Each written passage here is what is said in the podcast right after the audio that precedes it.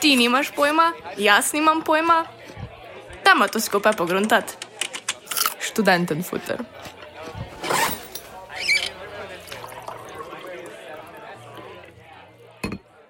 Dobrodošli v srečni 13. oddaji Študenten futra. Z vami sva Ana in Urška in se tokrat posvečava aktualnim študentskim novicam. Spet bomo nekoliko podrobneje pregledali dogajanje v študentskem domu Ljubljana, preverili, kaj se dogaja z volitvami rektorja in kdo zanj kandidira, po pregledu dogodkov pa lahko slišite še nekaj žmohtnih iz študenca. In Ana, kaj so zadnje aktualne novice iz študentskega sveta? Ja, kar se tiče študentskih domov, gre vse v kurac. Poslušate aktualne novice iz študentskega sveta na radiju Basement. Ponedeljek, 8. marca, zgodaj zjutraj, so se pred nekaterimi ljubljanskimi domovi pojavili protestni transparenti z napisi: Domov ne damo, študent zbudi se. Zaprite upravo, ne študentov. Tomaš Pečnik, grobar študenta in podobni. Transparenti so bili sicer hitro omaknjeni, vendar sporočilo ostaja. Stanovalci so vedno bolj nezadovoljni z delovanjem uprave in direktorjem zavoda Tomažem Pečnikom. Očitajo mu brezbrižen odnos do študentov in njihovih potreb, zlasti med epidemijo, odsotnost komunikacije in poostren nadzor varnostne službe. O težavah z legalnim vračanjem domove smo že govorili. Trenutno pa na plan prihajajo podatki o nenavadnih praksah, ko uprava preverja, če so prebivalci res nastanjeni na domačem naslovu ali pa morda brez njihove vednosti vseeno stanujejo v domu. Vsak, ki prebiva ali se vrne v dom za kratek čas, mora na upravo poslati izjavo, da so o tem obveščeni. Prav tako hišnik doma vsak mesec opravi obhod po sobah ali apartmajih in pregleda, če je v domu slučajno kdo, brez da bi poslal podpisano izjavo. Kljub izjavi študenta in pregledom hišnika pa uprava uvaja še tretji korak preverjanja. Obstaja več primerov, ko so se posamezniki v dom vrnili za nekaj dni.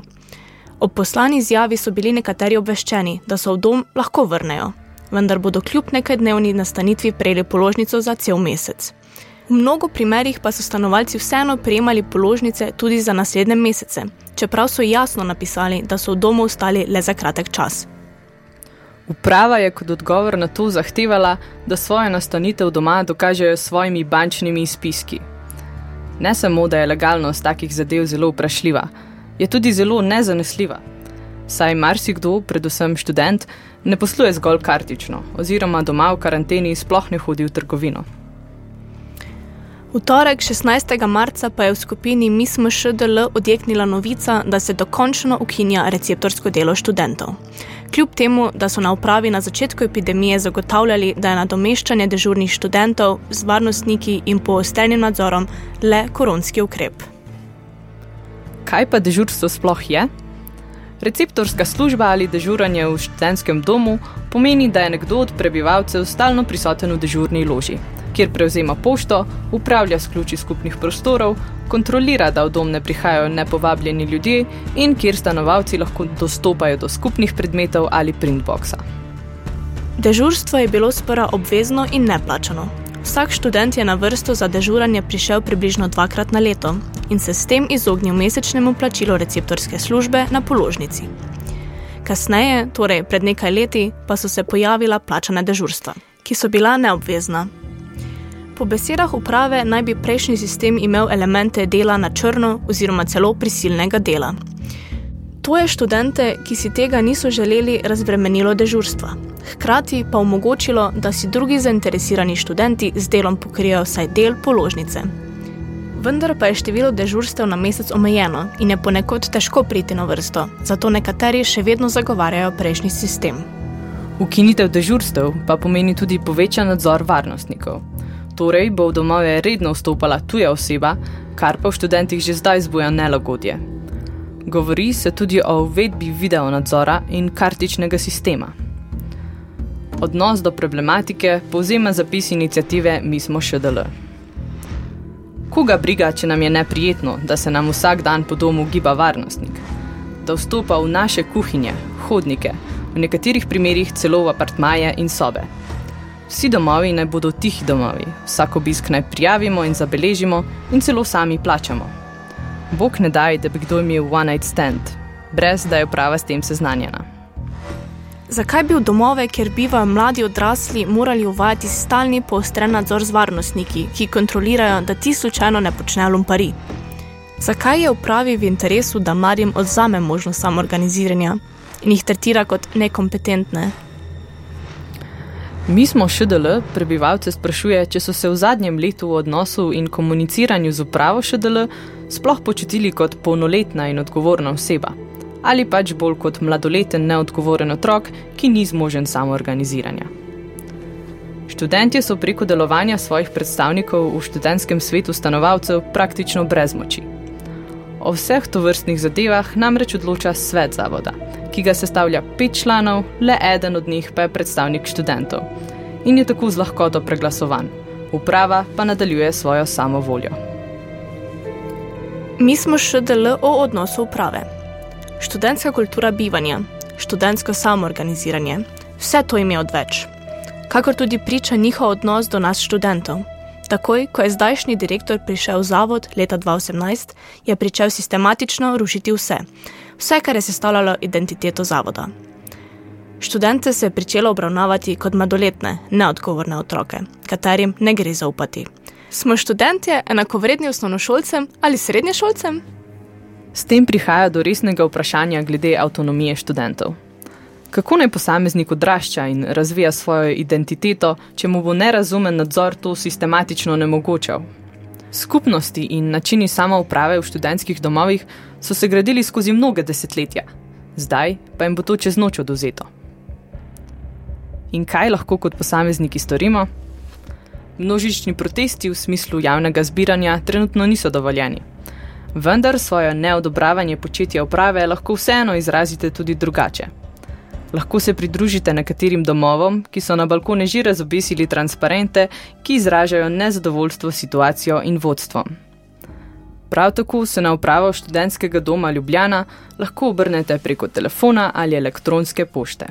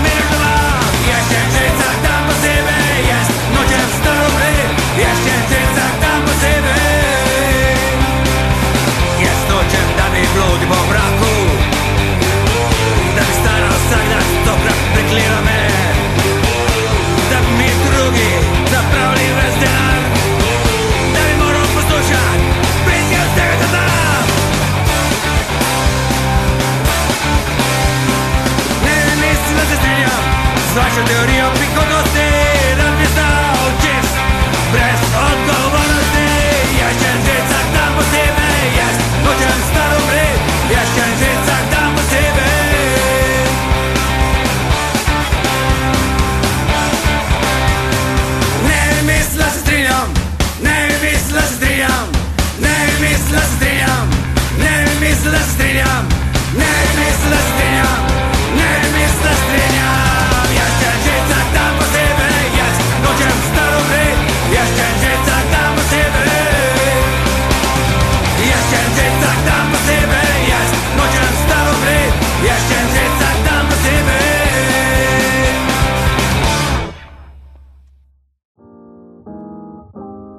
Sedaj pa gremo na drugo aktualno novico.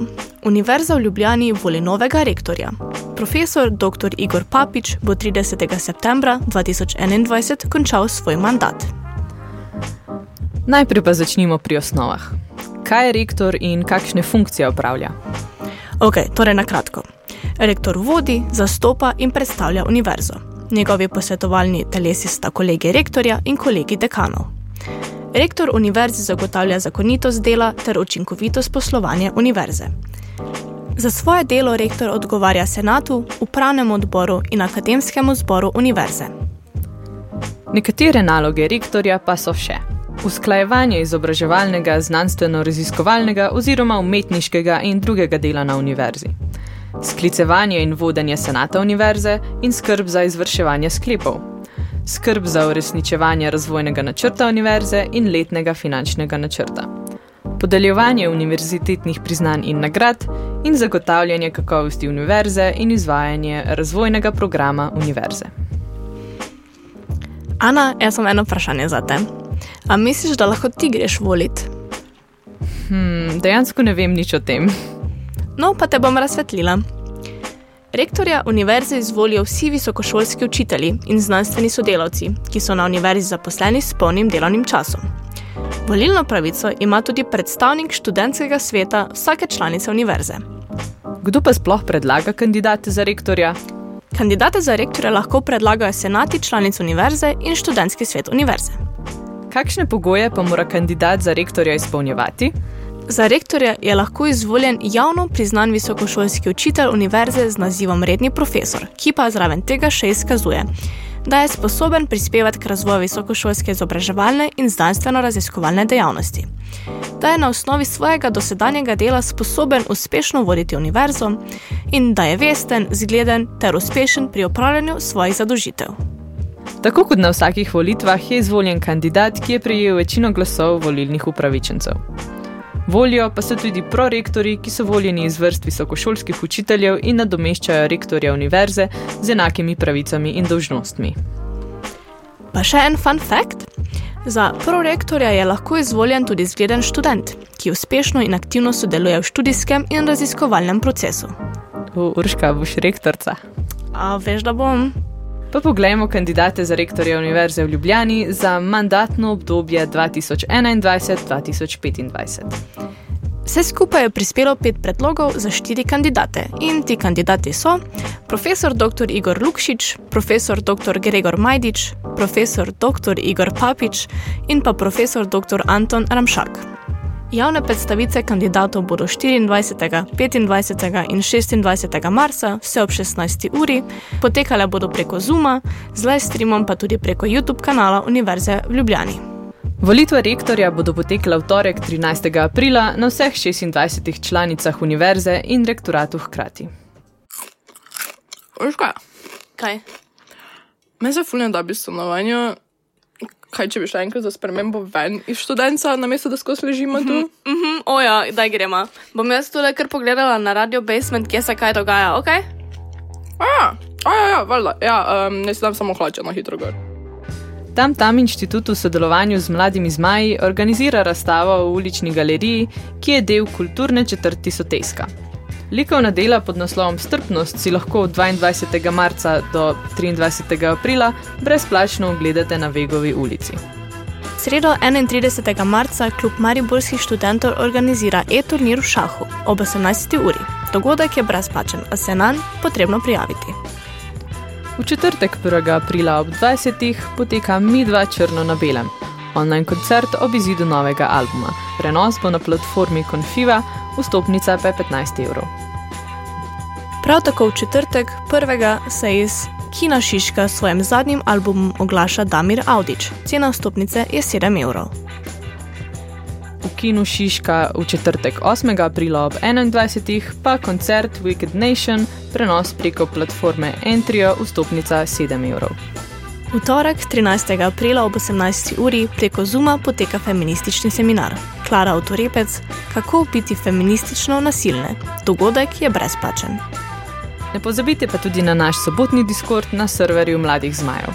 To soboto se javljata Urška in Miša, povezavo pa najdete na naši spletni strani.